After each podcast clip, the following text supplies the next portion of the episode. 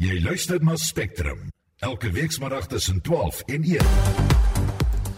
In die program oud-president Jacob Zuma is in die Hooggeregshof in Johannesburg in sy poging om president Cyril Ramaphosa privaat te vervolg. Burgerlike organisasies begin regstappe teen die president en die minister van energie vir die kragkrisis. En die Wes-Kaapse premier Allan Windey dreig met 'n interregeringsdispuut indien die president nie oop kaarte speel wat Eskom betref nie. Die span in die ateljee se redakteur Marlenae Forsie, produksieregisseur Daityn Godfrey en ek is Susan Paxton. Daar is geen verkeer. In Gauteng staan 'n voertuig op die N12 Oos net na Uncle Charlie's wisselaar regterbaan wat gesluit is daar en dan ook in Johannesburg staan 'n voertuig op die N3 Wes net na die Pavilion wisselaar of eerder skuis tog dis op die in KwaZulu-Natal eerder is in die linkerbaan daar so Hartman gedagte en dit is jou verkeersnuus.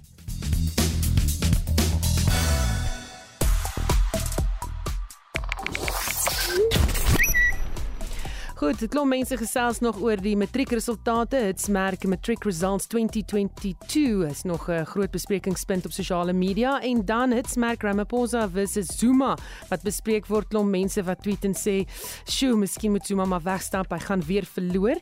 En uh, ons aan die ander kant gesels uh, vandag oor betogings word in Frankryk gehou teen beoogde nuwe wetgewing om die aftreeouderdom in Frankryk van 62 jaar op te skuif na 64. In Suid-Afrika is die aftreeouderdom ouderdom tussen 60 en 65 afhangend van waar jy werk. Maar nou met die ewige ontsteltenis in Frankryk, wil ons by jou hoor, wat dink jy van 'n verhoogde aftree ouderdom? Is jy 'n voorstander daarvan of wil jy vroeër die leiersels neerlê? Jy kan saampraat op die SMS-lyn. SMS se kos R1.50 is 45889 en jy kan ook 'n stemnota stuur wat ons later vandag in Brandpunt sal speel of jy kan deelneem aan die gesprek op Monitor en Spectrum se Facebookblad. Spectrum, jou middagnuusprogram op RSG.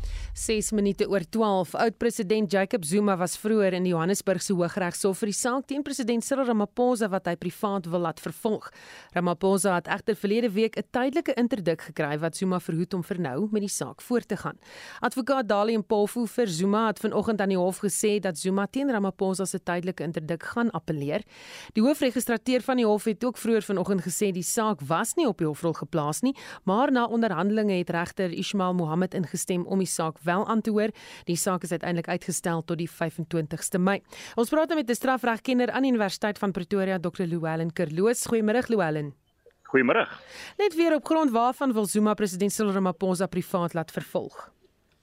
Jy sal onthou dat daar 'n uh, debakel ontstaan het na aanleiding van sy mediese verslae wat op 'n stadium uitgelek het in sy Hooggeregshof 'n uh, saak in Pietermaritzburg waar hy Zuma dus nou self tereg staan op sekere klagtes. Nou ja, uh wat hy toe gedoen het, hy het 'n klagte gaan lê teen ehm um, teen Billy Downer wat die aanklaer is in die aangeleentheid en een van die joernaliste Karen Morgan en dit is onder Ramaphosa se aandag gebring en Ramaphosa het volgens Zuma klap bly toe nou niks aan uh, gedoen aan die saak nie en van daar die aantuigings teen Ramaphosa deur Zuma dat hy sogenaamde gehelp het om hierdie misdaad te verskans. Engelse praat van accessory after the fact. Nou ja, so wat toe nou gebeur het En net om dit vinnig op te som en dit is baie elementêr gestel, is natuurlik uh die klagte is by die uh in in KwaZulu-Natal aan hande gemaak. Die uh die direkteur van openbare vervolgings daar het besluit om nie te vervolg namens die staat nie want hulle was nie oortuig dat daar 'n uh, 'n prima facie saak is teen uh een van hierdie drie beskuldigdes wat ek sopas genoem het nie. Uh en dan sê die reg in artikel 7 tot 17 kan jy 'n privaat vervolging initieer. Elke persoon in die land kan altyd sy dag in die hof kry al wil die staat nie vervolg nie. En dis toe nou wat uh Zuma gevra het dat so 'n sertifikaat vir hom uitgereik word wat hom in staat stel om dan privaat te vervolg. En uh nou weet ons al wat gebeur het.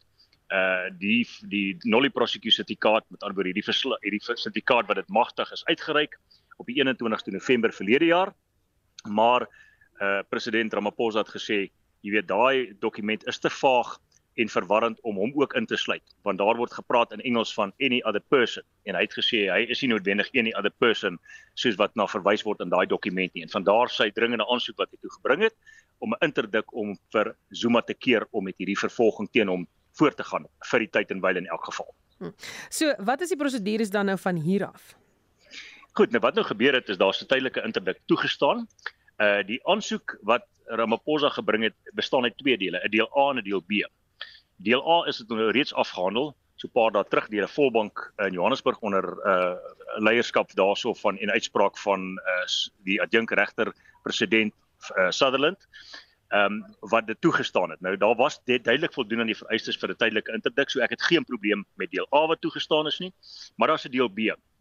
En deel B staan oor uh tot iewers in Mei maand, dink die 17 en die 18de Mei hierdie jaar vir daai selfde volbank of dan 'n ander volbank waarskynlik om aangewys te word om oor dit te besluit. Daardie deel B is eintlik die belangrike deel, want dit sal bepaal of daardie nulli prosecutie sertifikaat waarvan ek gepraat het vroeër geldig is in die eerste instansie. Ehm um, sou dit dan na Ramaphosa ook verwys? Sou dit nie na hom verwys nie want dit is 'n preliminêre stap en 'n element vir 'n privaat vervolging. As daardie dokument dan uitgewys word as nie die papierwerk waarop dit staan nie dan is dit die einde van daardie verrigtinge. Maar sou die hof dan onder deel B besluit dat dit 'n geldige nulli prosecutie sertifikaat is wel dan kan Zuma natuurlik voortgaan deur Ramaphosa dan voor die hof te sleep. Ehm um, dis een aspek. En dan is daar 'n ander aspek natuurlik oor die vraag weet op watter stadium uh kan hulle hom vir Ramaphosa aankla? Uh want een van die voorvereistes vir die misdaad waarvan hy beskuldig word deur Zuma op hierdie stadium is natuurlik afhanklik direk aan 'n skuldigbevindings uh teen Billy Downer en teen Magon wat ek ook nie oortuig is in my gemoed noodwendig gaan slaag nie. So in jou inleiding het jy die opmerking gemaak dat baie mense sê jy moet dit laat vaar want dan gaan niks van kom nie en ek dink uiteindelik gaan dit presies die toedrag van sake wees. Maar dit beteken nie Zuma kan nie sy dag aan die hof kry teen Ramaphosa as hy regtig sou wou nie hy is geregtig in terme van die strafproseswet om dit te doen of ten minste die geleentheid te kry om dit te kan doen. Jy weet as ons nie daardie uh stappe of artikels in ons strafproseswet gehad het nie, dan sou die die reg letterlik in chaos beland het want elke persoon wat dan nie uh sy dag in die hof kry nie sou reg in eie hande geneem het en dit is presies wat ons wil verhoed hmm. deur beginsels soos hierdie in die strafregstelsel. Baie dankie. Dit was 'n strafregkenner aan Universiteit van Pretoria, Dr. Llewellyn Kloos. Ons praat nou ook verder met die politieke ontleder aan die Noordwes Universiteit se Sakeskool, Dr. Piet Kroukamp. Goeiemôre Piet. Goeiemôre.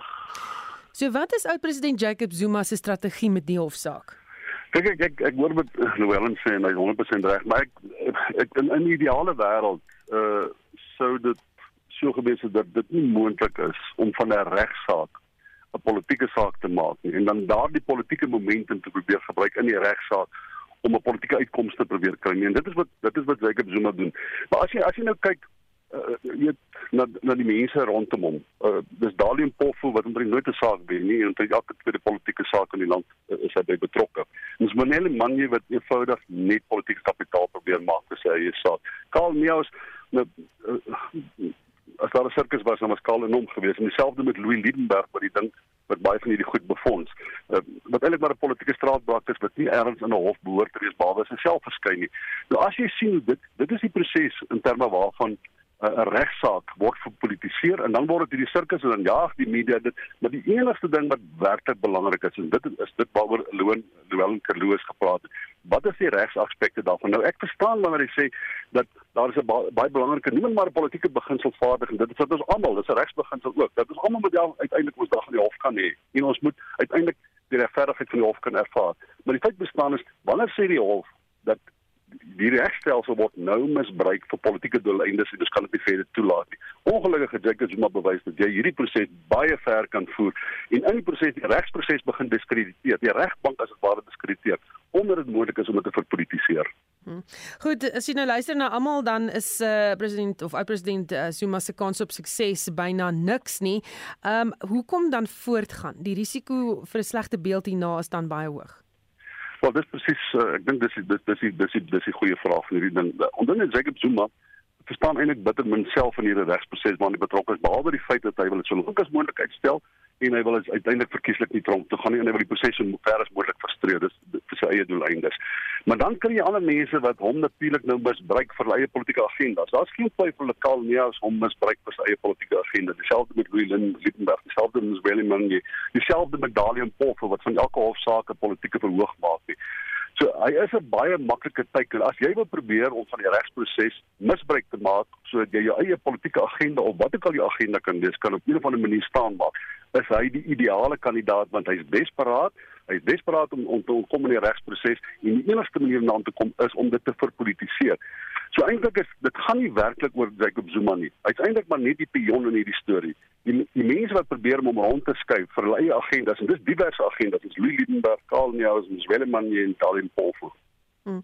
As mens teruggaan na die Desember konferensie, foto's en video's waar Zuma en Ramaphosa mekaar gil ontmoet, wat is die ware verhouding? Ja, dit is dit is 'n uiters uiters uiters koue verhouding. Ek het geen twyfel daaroor nie, maar onthou die die kameras was daar. Daar was baie mense daar gewees. Wat as jy nou uh, Jacob uh, Ramaphosa as jy staan hier kom Jacob Zuma. Wat doen jy nou? Stap jy weg? Probeer jy ignoreer? Is jy naaste met hom? En die mees logiese ding is om hom te groet en sê sê hoe gaan dit? En ek so ek ek ek het geen politieke waarde daarin. Ek verstaan heeltemal hoekom Ramaphosa bereid was om dit normaal en polite op te tree op die bepaalde dag. Dit het geen politieke steun nie politieke boodskap uit. Ons weet reeds daai selfde aand uh, het uh, seker so 'n probeer om om, om Ramaphosa te vervolg en die volgende dag het Ramaphosa in hofstukke dit baie duidelik gemaak wat sy opinie is oor die aksies, die gedrag en die karakter van Jacob Zuma. Baie dankie. Dit was die politieke ontleder aan die Noordwes Universiteit se Sakeskool Dr Piet Kroukamp. Equal Education sê in die aanloop tot die vrystelling van die matriekuitslae vir 2022 dat verlede jaar se leerders blootgestel was aan eh, gewelddadige uitdagings. Hulle was in graad 10 toe die pandemie uitgebreek het. Hiermee saam was daar die oorstromings in KwaZulu-Natal verlede jaar wat vervoer en skoolinfrastruktuur beskadig het, asook beerdkrag voor en tydens die eindeksamen. Een van die organisasie se navorsers, Jane Borman, het aan Marlenae Forsie gesê die oplossing tot die en ander probleme is daar, maar dit is ongelukkig waar dit eindig. There is a unfortunately a lack of a political will among other things. You know there's also issues with how basic education money is being spent.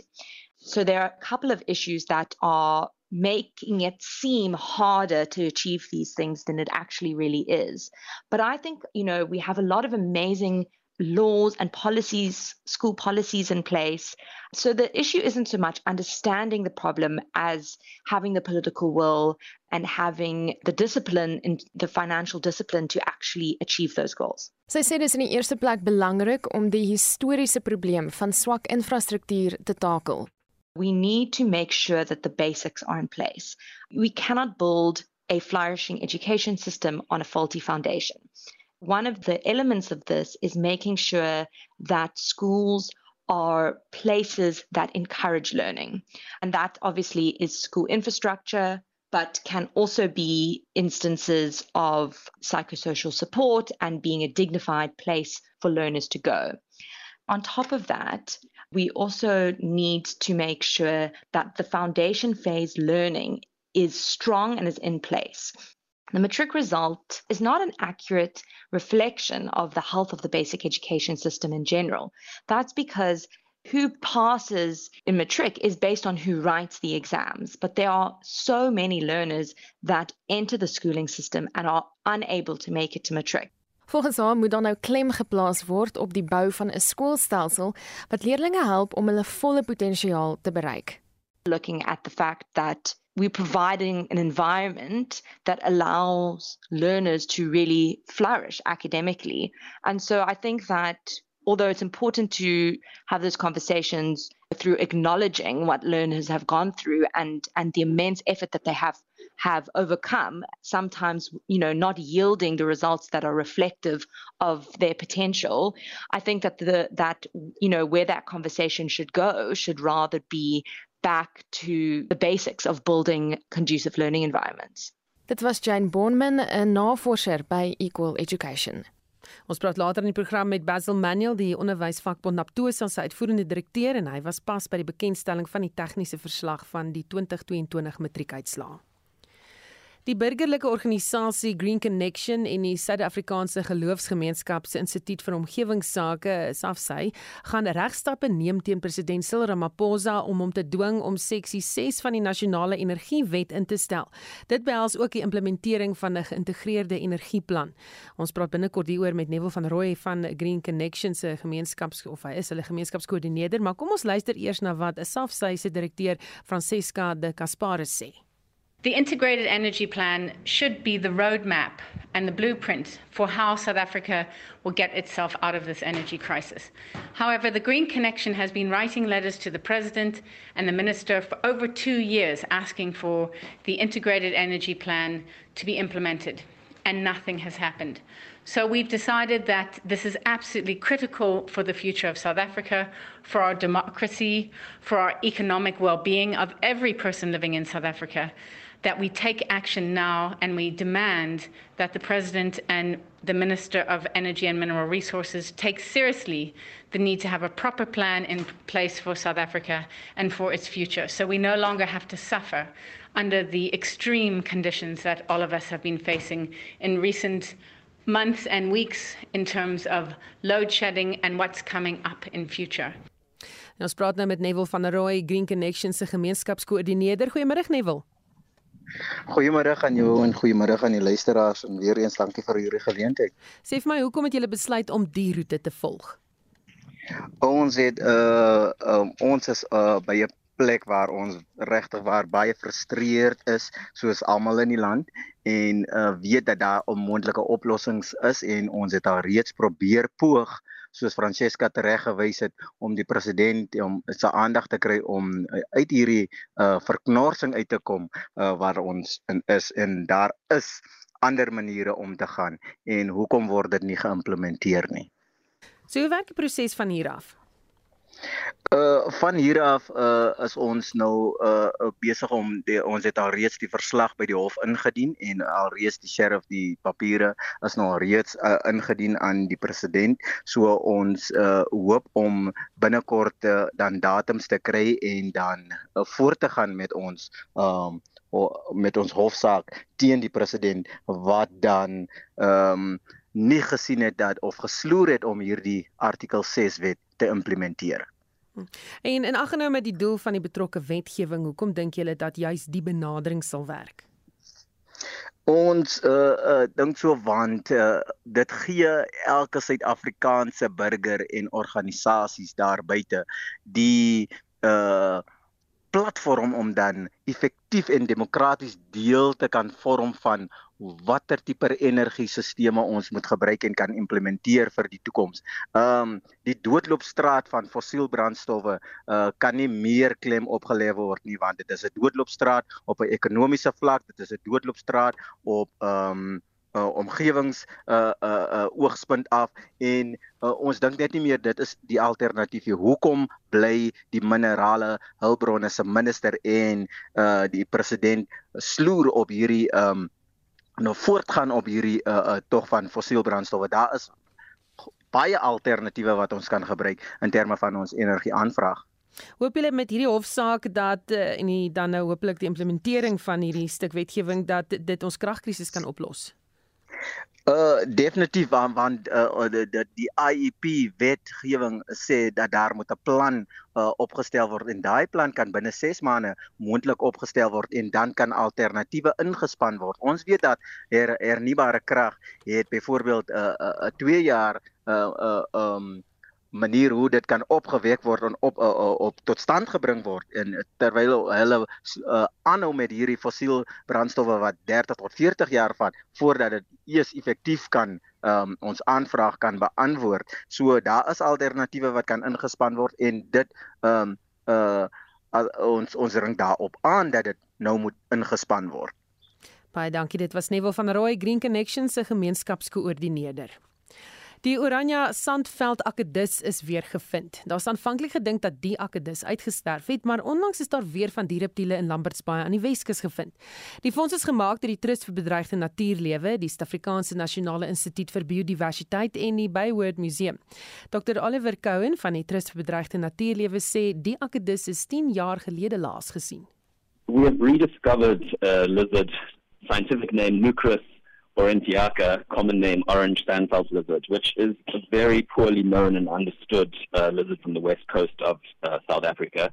We um, it, it, was first discovered uh, or collected in 2005 when two specimens were collected by farm workers just outside of Lampert's Bay. And those um, samples were sent to Cape Nature and then on to Stellenbosch University. And then nothing's been heard of it since, except for a completely random camera trap photo in 2011 which um, yeah, it was evidently the same species. The camera trap was just up there looking for other things, but it caught a lizard, and it was shown to be the same species, but nothing since yeah since 2011. And we decided, as it is a data deficient species, we need to try find out much more about it, especially considering the threat to the region. So we uh, spent two weeks up in December. A team from Endangered Wildlife Trust, the South African National Biodiversity Institute, and the Bay World Museum in Port Elizabeth, a team of herpetologists. And yeah, we spent two weeks up there looking for it, and eventually we found it just at one of the sites. But still, it's great to rediscover something that's been uh, long lost. Cohen sê die grootste bedreiging vir die reptiel is mynboubedrywighede aan die Weskus. We don't really know much about it, and normally that is um, the sole, uh, you know, the, the responsibility of scientists to find out more about these things. And this thing is so um, charismatic. I mean, I can't really describe it too well over over the radio, but it's, it's kind of it's, it's a long lizard with a tail that's almost twice the length of its body and bright orange. So you'd think we'd see more of it, but evidently its habitat is. Um, it's it's a very elusive, secretive thing. It probably doesn't move around too much, and it's very fast. So you might see it out of the corner of your eye, but then if you try to look for it again, it's hidden under bushes or something. But yeah, we're trying to find out more about it, and once we do, we can um, give it an official uh, assessment. And once it is assessed in terms of its uh, extinction threat, like if it's endangered or vulnerable or near threatened, then it can get included in the relevant legislation that will provide it some sort of protection, and then any further developments in terms of um, you know mining applications will have to take it into account during the environmental impact assessment. Hy sê die fonds is uiters belangrik vir omgewingsbewaring in Suid-Afrika. I think it just shows that the the value of kind of boots on the ground and conservation. Um, South Africa is such a large country, and a lot of scientists have done a lot of work and done great work, but there's still more things to be discovered or in this case rediscovered and really important to get to keep our the information on these on our precious diversity biodiversity um up to date and you know re and relevant Dit was Dr Oliver Cohen van die Trust vir Bedreigde Natuurlewe. As jy die akkedis dalk gewaar in hierdie gebied, het hy gevra dat jy dalk vir hom foto's kan stuur. Is Oliver C by ewt.org.za. Oliver C by ewt.org.za. Suid-Afrikaners is ontstel na die dood van Shiba die Bengaalse tier. Verskeie foto's word op sosiale media platforms gedeel en daar is selfs kunstenaars wat aan haar hulde bring deur haar te skilder. Dis ook iets wat ons luisteraars hartsnare geroer het. Shamaini so van Pretoria Noord. Ons skuldige dier moes nou haar lewe verloor en dit omdat die mens nie kan dink nie. Die liewe Vader het die mens die verstand gegee om te kan dink. Eerstens is jy hou nie so dier aan in 'n dorp nie. Tweedens is hoekom het daai mense wat die draad geknip het dit gedoen? Beboet hulle, laat hulle tronk toe gaan, gee hulle boetes van miljarde rande. Nou moet 'n onskuldige dier boet vir haar lewe. Al wat sou gebeur het, daai dier sou mense doodgemaak het. En dan sou hulle gesê het maar die ding moet doodgemaak word. So maak hom maar voortydig dood en kry hom uit die stelsel uit want hy gaan mense doodmaak. Quentin en Klerkie van Buffelspoort. Op die einde van die dag is ons eintlik die indringers en nie hulle nie. Ek lees daar is statistiek dat daar meer diere in aanhouding is in Amerika as wat hulle in die wildernis is. So is baie hartseer om sulke statistieke te hoor en dat sulke insidente so hartseer opeindig. Ek is Magda van der Berg van Meyerton af.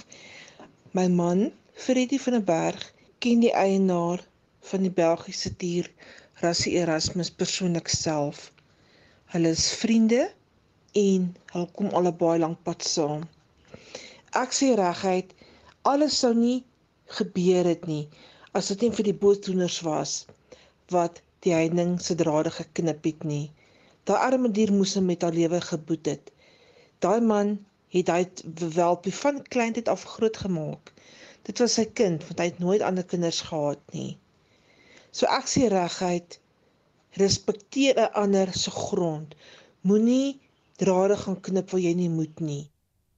En dan dan van die stemnotas wat ons ontvang het van Shiba, die Bengaalse tier wat gister doodgeskiet is nadat sy ontsnap het. Spectrum, jou middagnuusprogram op RSG. Later in die program hoor ons wat uitgekom het by die vrystelling van die tegniese verslag van die 2022 matriekuitslae. Die brandstofprys daal weer in Februarie en die Dietse Botlam munisipaliteit in Noordwes se politieke onbestendigheid duur voort. Bly ingeskakel. Daar is geen verkeer. In Gauteng staan 'n voertuig op die N12 Oos net na die Uncle Charlie's wisselaar is in die regterbaan. Dan lyk dit vir my is die verkeer baie druk daar in KwaZulu-Natal op die N3 rigting noord daar by die Tonga Tollhek. Beweeg daar 1108 voertuie deur. Suidelike rigting 1056 voertuie per uur wat daar deurgaan. So ook by die Marion Marion Hill Tollhek dis 1026 voertuie rigting noord en in 'n suidelike rigting 1015 voertuie. So as jy op pad is, wees asseblief versigtig. Terug in Gauteng staan 'n voertuig op die N3 suid net na die Marlborough ry en af dat die regterbaan is toe en dit is jou verkeersnuus.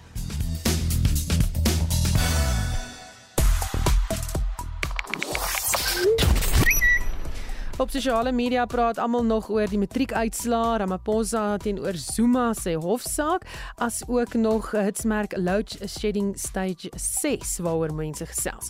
Ons het gepraat of ons vra vir jou eerder as, eh, as ons nou kan sê ons praat. Ons praat bietjie oor die aftree ouderdom. Hoe oud wil jy wees as jy aftree? Wil jy bietjie langer werk? Dink jy jy het nog baie om te gee? Daar's 'n luisteraar wat sê ja nee, hulle wil nie ondervinding verloor nie. Hulle meen in Frankryk, maar in Suid-Afrika is dit klaar verlore. Dan dan sê iemand uh, hoe langer jy kan werk is goed alles word net duurder sê Loukie. En dan sê iemand ek het op 44 afgetree al 40 jaar gewerk op daai stadium is nou 77 baie dankbaar dis Laura Kokemoer van Pretoria. Dan sê nog 'n luisteraar 60 en 65 is reg maar die ministers moet ook so hanteer word. Ek as onderwyser moet op 65 loop maar van die ministers sit en raak oud en seniel in die parlement dis natuurlik die luisteraar se mening. En dan nee asseblief ons wil nog werk en bydra tot gemeenskappe omgewingsgesondheidsbeampte sê uh, sê die persoon laat ons die jonges kan leer. En hier's uh, Felicity Trieter van die Parel. Sy skryf daar in Engels dat haar skoonpa was 'n hoërskool onderwyser en na uh, 65 het die persoon afgetree en hy het verder gehou klas gee like dit vir my by hoërskool tot hy uh, 74 jaar oud was. En sy sê sy wil ook graag teruggaan nadat sy afgetree het.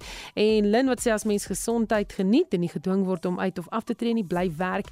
Ek word uh, die 6de Februarie 74 en ek werk steeds. Dis 'n fantastiese storie. Dankie dat jy saamgesels. Jy kan uh, steeds saamgesels vir ons sê SMS stuur op 45889 SMS se kos R1.50 of 'n stemnota na 076 5366961. Dis altyd lekker om jou stem te hoor. So stuur vir ons 'n stemnota na 076 5366961.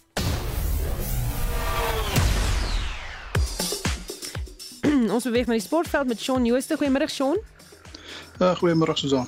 Suid-Afrika se eendag reeds teen Engeland is om die draai en 'n sterk span is bekend gemaak. Ja, groep van 16 spelers is bekend gemaak vir die reeks van 3 eendagwedstryde wat tussen 27 Januarie en 1 Februarie in Bloemfontein en Kimberley plaasvind.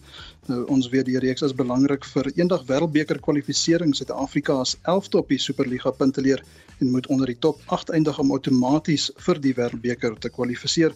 Van die groot name in die span sluit in Quentin de Kock, Aiden Makrum, Marco Jansen, Andrieg Norke en ook Agiso Rabada en Temba Bavuma behou sy kapteinskap.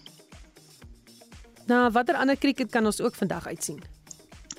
Die vroue driehoekige T20 reeks tussen Suid-Afrika, Indië en die Windies begin vanaand 7:00 op Buffalo Park in Oos-London en Suid-Afrika meet eerste teen Indië kragte en dan in die SA20 toernooi speel die Paul Royals vanmiddag half 6 teen Sunrisers Eastern Cape dis op Boland Park in die Parel en uh, die twee spanne kan moontlik met goeie vertonings bo aan die punteleer eindig.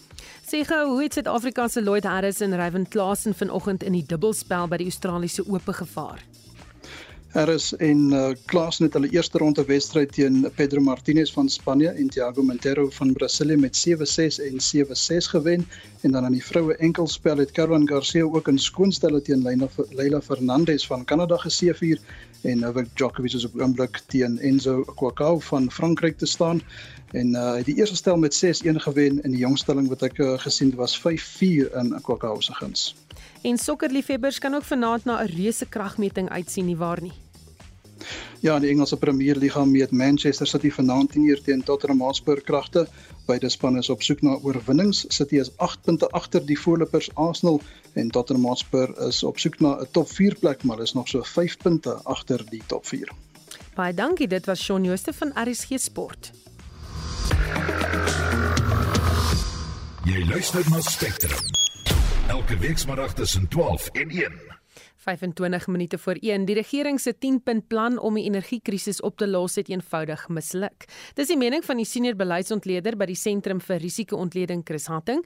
En van die besonderhede in die plan sluit in die koopkrag van onafhanklike produsente, die skrap van lisensievereistes vir private energieprojekte en die invoer van elektrisiteit uit Botswana en Zambië. En ons praat met hom daaroor. Goeiemôre Chris. Goeiemôre staan en goeiemôre van die luisteraars. Dankie vir die geleentheid. Watter ander aspekte bevat die regering se 10-punt plan en is daar aan enigiets behoorlik voldoen? Uh een van die die beste idees vir my was ook die idee om om die local content requirements te verwyder of te verminder in terme van die invoer van van solar panels en die en die komponente daarvan so byvoorbeeld maak dit nou makliker om nou as jy as jy dit vir jouself wil doen op jou dak met jou solar panels of as jy nou dit wil vervaardig dan maak dit makliker maar daai goed is nog steeds in plek. So ek dink wat ons hierso het is nou maar die klassiek voorbeeld van van goeie idee op op papier maar nou nie in terme van implementering nie. Jy het verskillende departemente wat miskien nie met mekaar praat nie. Jy het vested interest groups um vir byvoorbeeld steenkool daai maatskappye en daai kontrakte van van die state capture era daai goed is nog in plek is moeilik om dit op te breek. Um miskien sekere ministers wat wat een vorm van energie verkies bo ander en dan met mekaar teenstrydig is. So ek ek weet nie presies wat dit gaan vat om hierdie op te breek nie om om die verskille en so aan op te breek nie. Die plan is goed in terme van waarna toe dit mik en hoe dit Suid-Afrikaners miskien wil wil af uh, wil onaf, onafhanklik maak van Eskom. Maar vir nou dink ek sien ons nou maar net Eskom is nog te groot en te belangrik vir die ekonomie om mense heeltemal van dit af te kry. Ehm um, jy sê dat die planne op die grond en die implementering daarvan nie noodwendig ooreenstem nie. Hoekom nie? Ek dink dit kom neer daarop dat dis alles goed en wel en ons ons kan dit sê met hierdie regering, jy kan dit sê met 'n groot maatskappy, jy kan dit sê met toekomstige regerings, jy het hierdie visie van hoe jy goed wil wil hê dit moet gaan, maar in terme van dinge op die grond verander, vat dit nou maar net baie lank. So as ons kyk nou maar byvoorbeeld om om nou nie krag uit te voer uh, na ander lande toe nie, daai is kontrakte wat nou al lank terug geteken is en so aan, jy gaan dit nie oornag verander nie. Miskien was daar nie realiteit uh, het hulle nie realisties gedink oor presies die details wat gevolg moet word nie. Miskien is die prosesse ook nie so duidelik as wat dit moet wees nie. So die, jy kan beloftes maak maar wanneer dit kom om die werk op die grond te doen, moet jy duidelike stappe hê, duidelike planne, jy moet deadlines hê. Ehm um, jy moet mense ook dan verantwoordelik hou as hulle nie die goed implementeer nie. So byvoorbeeld hierdie idee van 'n feed-in tariff van Eskom wat dit sou beteken dit maak ma makliker vir mense om solar panels te installeer en dan hulle ekses krag in die grid in te voer. Daai daai is nog nie byvoorbeeld bekend gestel nie. So wie byvoorbeeld was nou verantwoordelik daarvoor by Eskom? Is daai persoon of persone verantwoordelik gehou of nie? Was dit die departement van energie se verantwoordelikheid of nie? So ek dink die die plan is miskien te groot in scope. Ehm um, miskien kan dit verminder word die die goals wat dit probeer achieve en dan miskien net meer realistiese tydlyne. So en, en dan net om mense daarby te hou om te sê as hierdie nie binne 6 maande gebeur nie, gaan die minister of daai persoon op die op die board by Eskom of wie ook al by 'n kragstasie dan nou nie meer hulle werk hê nie. Baie dankie. Dit was Chris Hatting, senior navorser by die Sentrum vir Risiko-ontleding. Die premier van die Wes-Kaap, Allan Windey, sê die president moet dringend oopkaarte speel met die land oor hoe groot die elektrisiteitskrisis werklik is. Windey het 'n ultimatum aan die president gestel en gesê as hy nie iets sê nie, sal hy interregeringsdispuut verklaar. En ons praat nou met hom daaroor. Goeiemôre Allan. Hallo, gaan dit goed? Met my gaan dit goed, maar sê vir my, wat is 'n interregeringsdispuut? Hoe werk dit? So ehm um, om besluite te maak, ek ek is nou verantwoordelik vir 7.2 miljoen mense in die Wes-Kaap en uh ek moet nou dringend besluite begin maak uh oor ons energie toekoms en oor wat gaan nou gebeur hierdie jaar want hierdie jaar gaan 'n baie moeilike jaar wees. Nou jy kan nie daai besluit te maak as jy nie die volle storie het. As jy nie weet presies wat is die plan. Wie gaan by wie gaan wat doen by wanneer. En uh en dis ons grootste probleem. Uh dat is nie oop uh, dit is nie dit daai inligting is nie voluit beskikbaar uh en regerings kan nie uh, besluite maak nie as ook uh, private uh, mense en besighede en ek wil daai inligting hê anders as ek nie kry dan gaan ek die hof gebruik om dit te gebruik om dit te kry nou ek kan nie direk as 'n regering hof toe gaan ek moet eers deur 'n uh, inte 'n uh, 'n uh, proses uh, intussen in waar ek die dispuut sal verklaar as ek dit nie kry nie. So ek ek dis die dreiging Ek soek die inligting, die plan, alles dat ons kan besluite maak. Want dieselfde tyd, ek het nou al klaar besluit dat alhoewel elektrisiteit is nie 'n bevoegdheid van 'n provinsie nie, uh ek het 'n verantwoordelikheid. So ek gaan nou ons eie uh langtermyn uh program insit vir vir energie onafhanklikheid van Eskom, uh privaat sektor investering, ehm um, dat ons uh uh vir onsself gaan sorg. Nou ek soek daai inligting om daai ja. planne uit te werk. Ehm um, en dit dit is hoekom ek hierdie hierdie uh, brief geskryf het en en vir die einde van die maand 27ste van uh die maand sê dis die datum. Het hy al gereageer op jou versoek? Gaan hy praat? Uh nee, nog nie. Want want ek hierdie is 'n ramp. Ehm um, eintlik volgens uh, ons ons uh, grondwet Uh ek dink dat uh ons moes al klaar uh wat ons noem 'n PCC, dis die koördineringsforum van die president. Ek het eene wat nou vir die munisipaliteite, dis die premier se koördineringsforum. Ek het al klaar oor die energie Ehm um, in uh begin Desember het ek daai uh groep bymekaar gebring. Dis munisipaliteite, uh, mi, uh burgemeesters, munisipale bestuurders om te sê hier's groot risiko. Ehm um, sorg dat daar genoeg mense is nou oor die vakansietye, ehm um, dat ons pompe kan nog werk, dat ons nog wa genoeg water is, daar genoeg uh om vlak 6 te hanteer, maar ons het nog nooit hierdie soort vergadering gehad met nasionaal nie uh nie een van die premiers nie. So daai stelsel uh, werk nie. En uh dis hoekom ons wil uh hierdie inligting hê dat ons ons gaan nou ons eie uh meganismes in plek sit die die die dringende goed uh, ek kom nou net uit 'n vergadering met die Wêreldbank ek het al klaar met hulle uh, onderneming en ons werk nou saam met hulle om te sê uh waar kan hulle vir ons ook advies gee en help en vir ons munisipaliteite help en ook die private sektor help um, met 'n proses van onafhanklikheid in in energie. Hmm. As jy van jy het nou gepraat oor die vergadering wat julle gehou het om na kritieke infrastruktuur te kyk soos byvoorbeeld waterpompe. Ehm um, gaan julle besluit om byvoorbeeld uh jy weet waterpompstasies uh op uh, jy weet energie sonkrag te sit dat daar altyd krag is of wat is die plan daarmee? Korrek, ons het 'n uh, uh, uh, disaster team, uh, ons rampbestuur mense wat al klaar nou maande daarop werk.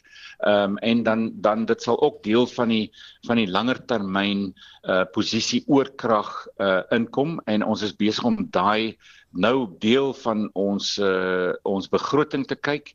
Uh selfs as ons nou 'n uh, spesiale uh, ramp verklaar moet kry of 'n uh, of 'n spesiale begroting moet kry dat ons nou weer 'n keer ingaan om te sien op vlak 6 watter pompe uh, het nou nog 'n uh, 'n uh, uh, um diesel uh, generators is daar genoeg gaping om te sê hierdie een kan 'n sonpaneelstelsel of 'n batterystelsel kry. Ons het al klaar baie in baie van ons munisipaliteite sit al klaar batterye-stelsels in ons klein pompe om daar om ons backup te wees.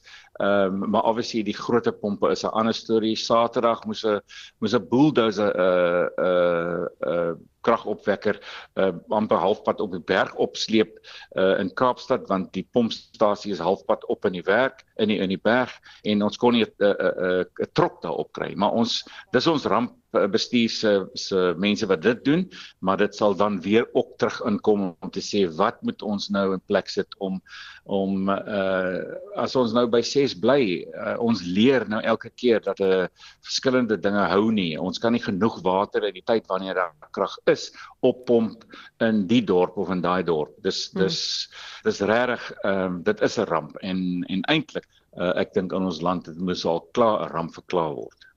Baie dankie. Dit was die premier van die Weskaap, Allan Windy. Goeie nuus vir motoriste is dat brandstofpryse in Februarie weer sal daal. Ons praat nou met Dr. Chris Harmse, ekonoom by Sequoia Capital Management. Goeiemôre Chris. Goeiemôre Susan, môre luisteraars. Hoe groot is die daling waarvan ons praat hier? Hierdie stadium nie veel nie Susan. Uh, ek is ongelukkig lyk dit vir my, kan ons sê wat dit is? Diesel lyk dit vir my so 15 tot 20 sent per liter. Petrol so dit gaan op 5 sent per liter minder betaal of is dit selfs 5 sent per liter meer moet betaal. Nou wat het gebeur in die laaste week of twee toe ek in jou laaste selfs het want dis ons die by rond minder vir diesel betaal het petrol omtrent so 70 sent.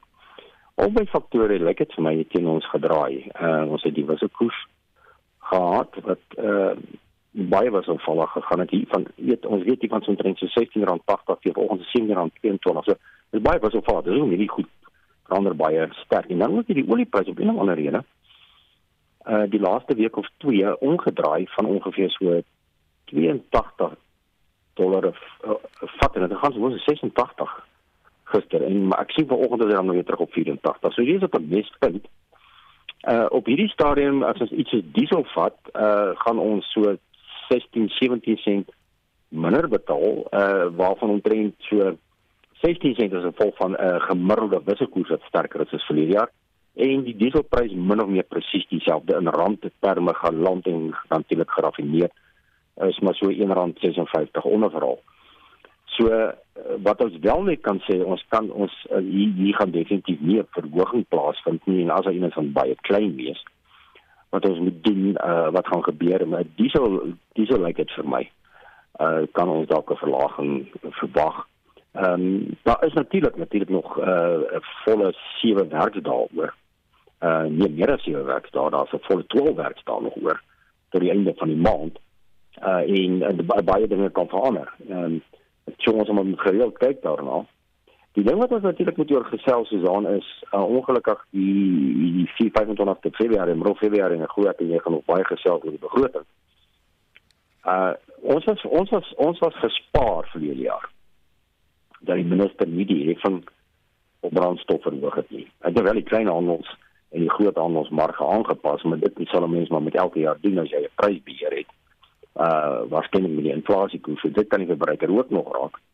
Maar ek is bevrees uh, daar is alle aanduidings dat ons waarskynlik gaan sien dat uh, ons 'n 30 tot 40% stygings gaan kry in die in die petrolheffing. Jy betaal op die oomblik al reeds presies R4 'n liter op petrolheffing. Uh so en gaan hy dit hy gaan dit op uh, opwaarts aanpas en die vraag is hoe gaan hy vir die vir die vir die patrolike fonds gee hy op 20 sent per vir. En natuurlik dan is daar baie sprake dat ook daar in daai heffing kom ek sê verder op 5 of 10 sent kan wees vir die vir die vir die tolstelsel of ding. Ja. So so so hierdie kan 'n tamaletjie raak in die volgende maand of so. Uh dit kan wees dat die minister in die in die nuwe maand wat kom kan ons sien dat oor die prys want alle aanduidings dit die, die die verslag wat ek lees as analis sê dat die oor die prys is op pad na onder die 70 dollar in die volgende paar maande. Uh, hy kom nou van 96 dollar van die begin van die jaar af. So dit kan wees dat ons in die volgende maand die minister gaan begin agterkom oor die is nog kom ek sê 'n 40 of 50 sent verlaging in die brandstof en dieselprys aan die begin van Maart, maar dan gaan hy sê goed, ek gaan daai verlaging nie deurgee aan die verbruiker nie, ja. verbruiker nie, ek gaan dit deurgee aan die heffing. Ek en jy gaan voel as 'n as 'n wen-wen situasie. Hy vat 50 sent maar ek betaal ook nie weer vir petrol nie. Mynlik betaal jy weer. Want jy want daai 50% gaan wel altyd daar wees per liter op die heffing. Uh vorentoe. Uh, ja. So uh dit bepaal baie sensitief ons het hierdie inflasiekoerssyfer gesien wat gister uitgekom het en uh waar vervoerkoste ehm uh, 13% jaar op jaar gestyg het, voedsel 12% jaar op jaar gestyg het en dit is dis dis dis staatsstygings vir die verbruiker. Ja. Jy weet jy weet so dan daai twee daai twee daai twee produk daai twee produkkategorieë alleen maak 4% uit van ons 7% mandjie. Dit is die helfte.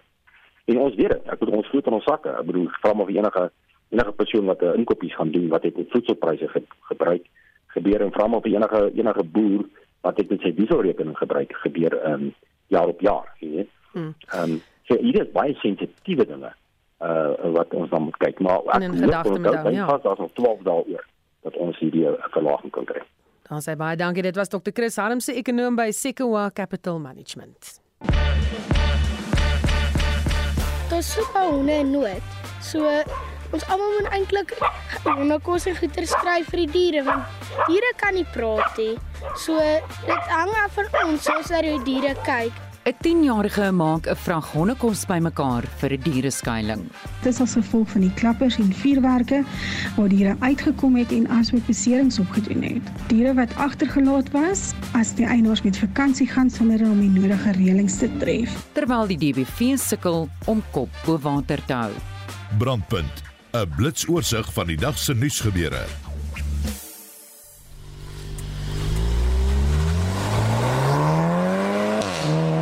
Die outomatiese radkas wat eintlik nog die langste daar is en wat ons die meeste mee vertroud is, sou ek sê is die bringkrag omsetter of torque converter radkas wat natuurlik met 'n vloeistofkoppeling werk en meeste van ons voertuie daar buite, veral ons duur luukse karre, het histories altyd met die radkas gekom.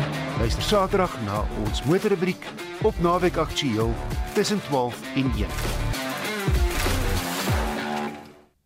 Alle oë sal die komende naweek op Bloemfontein in die Vrystaat wees terwyl die ANC se provinsiale konferensie uiteindelik dan nou plaasvind. Die konferensie kon nie verlede jaar plaasvind nie weens interne geskille binne die party. Ons praat nou met professor Theo Venter, 'n dosent in praktyk aan die College vir Besigheid en Ekonomie aan die Universiteit van Johannesburg. Goeiemôre Theo. Goeiemôre. So wat is van die belangrikste kwessies wat die party in die Vrystaat gaan moet bespreek? Wel, hulle gaan ehm, 'n um, verkose leierskap moet kry. Met ander woorde, hulle moet 'n provinsiale uitvoerende komitee, gewoonlik 5 lede, moet hulle verkies en daar moet 'n baie duidelike ehm um, uh, leier wees en en verskillende poste wat gevul moet word. En dit is baie belangrik vir die party om in in, in uh, op die manier op die regte manier deel te neem aan die ANC se se ander strukture ehm um, byvoorbeeld uh, wie ook al die leier is in die Vrystaat nou, ehm um, word ex officio ook lid van die nasionale uitvoerende komitee en in alle waarskynlikheid gaan sit op die nasionale werkskomitee. So as die Vrystaat se leiers wil deelneem, dan moet hulle hierdie verkiesing afgehandel kry en dan is daar natuurlik 'n klomp ander beleidsvraagstukke, maar ek dink die dilemma waarmee hulle sit is die die erfsonde van die Ysmagashula era om dit om dit behoorlik te kan hanteer. Soos wie's van die rolspelers wat jy gaan dophou? Wel, ons sal moet kyk na meneer Zokwana wat wat nou eintlik waarnemend voorsteur was van die interim ehm um, struktuur ehm um, en wat uh, tans ook 'n uh, uh, LER is um, in die in die in die Vrystaat. Ehm um, daar word allerweë verwag dat hy ook kyk na die nommer 1 posisie in die Vrystaat en dit sal belangrik wees om te wys wat die wat die verdeling is want ehm um, die ANC in die Vrystaat het baie duidelik twee kampe. En uh, as 'n mens nou kyk wat gebeur in 'n dorpie soos Parys, in Guate munisipaliteit gister eergister met die ontwrigting daar, ehm um, optogte, die brand aan die brandsteek van munisipale geboue en dan vertel dit vir jou dit lyk eintlik so in elke dorpie in die Vrystaat. En dit is dink ek wat die belangrikste op die spel is vir die regerende ANC om sy eie verkose strukture wettig en uitgesort te kry. Maar nou as jy net probleme in die Vrystaat nie in die Dietse Botlam munisipaliteit in Noordwes wil dinge ook nie vlot nie, wat se jongste daar? Ja, jy is heeltemal reg. Ons sal onthou die stadsraad is heeltemal ontbind en op 14 Desember was daar 'n verkiesing om 'n totaal nuwe raad saam te stel. Die ANC het geweldige verliese gehad. Um, ek dink hulle het maar 16 gekry uit die 39 setels, so daar moes op een of ander manier 'n koalisie struktuur aangegaan word. Um, ons kan onthou die insident 'n week of wat terug waar die burgemeester verkies word en sommer dieselfde dag daarna um, bedank en dis meer um, dit is ongelukkig die die pad wat mens loop as 'n raad op so 'n manier uitmekaar uitval. Die terugplaas van die stukke op die legkaart is baie baie moeiliker ehm um, uh, na die tyd as as voor die tyd en ehm um, die vir my is die groot dilemma die gebrek wat die provinsiale regering het om hier dramaties in te gryp. Die gebrek wat die nasionale regering het om in te gryp want die grondwet sê 'n plaaslike regering is 'n autonome en 'n selfstandige vlak van regering. So ergens langs die pad as die regering die sogenaamde distriksontwikkelingsmodel wil implementeer om sukkelende stadsrade of stadsrade wat eintlik verbrokkel het soos in die geval van die Tsobotla weer op te help mm. en te laat funksioneer. Um ek bly in gebreke om te sien hoe hierdie model gaan werk as die grondwet nie op 'n manier gewysig word om stadsrade half te dwing of dan op 'n semi-permanente basis dit oor te neem nie. Baie dankie. Dit was professor Theo Venter, dosent in praktyk aan die College van Besigheid en Ekonomie aan die Universiteit van Johannesburg. Die uitvoerende direkteur van die onderwysersvakbond Naptosa was pas by die bekendstelling van die tegniese verslag van die 2022 matriekuitslae. Dit is 'n korte samevatting van hoe die land se leerders per vak presteer het. Ons praat nou gou met hom Basil Manuel. Goeiemôre Basil. Goeiemôre. Wat het vir jou uitgestaan daar? En toe sit ingegaan nee, en ons het ons wil ons kom maar uitspreek oor die wiskundige verhaal waar daar nou foute was in die vraestel. En ons het nou baie daaroor besin en ons is nie te gelukkig met die uitkoms nie, maar ons wil nog sien vanmiddag hoe dit die uh die die algemene resultate gaan affekteer. Maar uh die prestasie in in in die oorgrootste meerderheid van vakke soos Malusi nou al klaar aangedui het, is is die is die uh is die punte van die leerdlinge net so aanvaar. En dis 'n goeie ding. Dit sê vir ons dat die prestasie heelwat uh aanvaarbaar is, maar ons wil daarom nog sien dat meer gedoen moet word met sekere vakke, veral daardie vakke soos uh uh rekenkunde en sovoorts waar daar minder en minder leerdlinge daardie vakke aanneem. Baie dankie. Dit was Basil Manuel, uitvoerende direkteur van die onderwysersvakbond Naptosa. Ons groet namens ons uitvoerende regisseur eh, Nicoline de Weer, redakteur Marlenae Forsie en ons produksieregisseur Daitrin Godfrey. My naam is Susan Paxton, bly geskakel vir 360.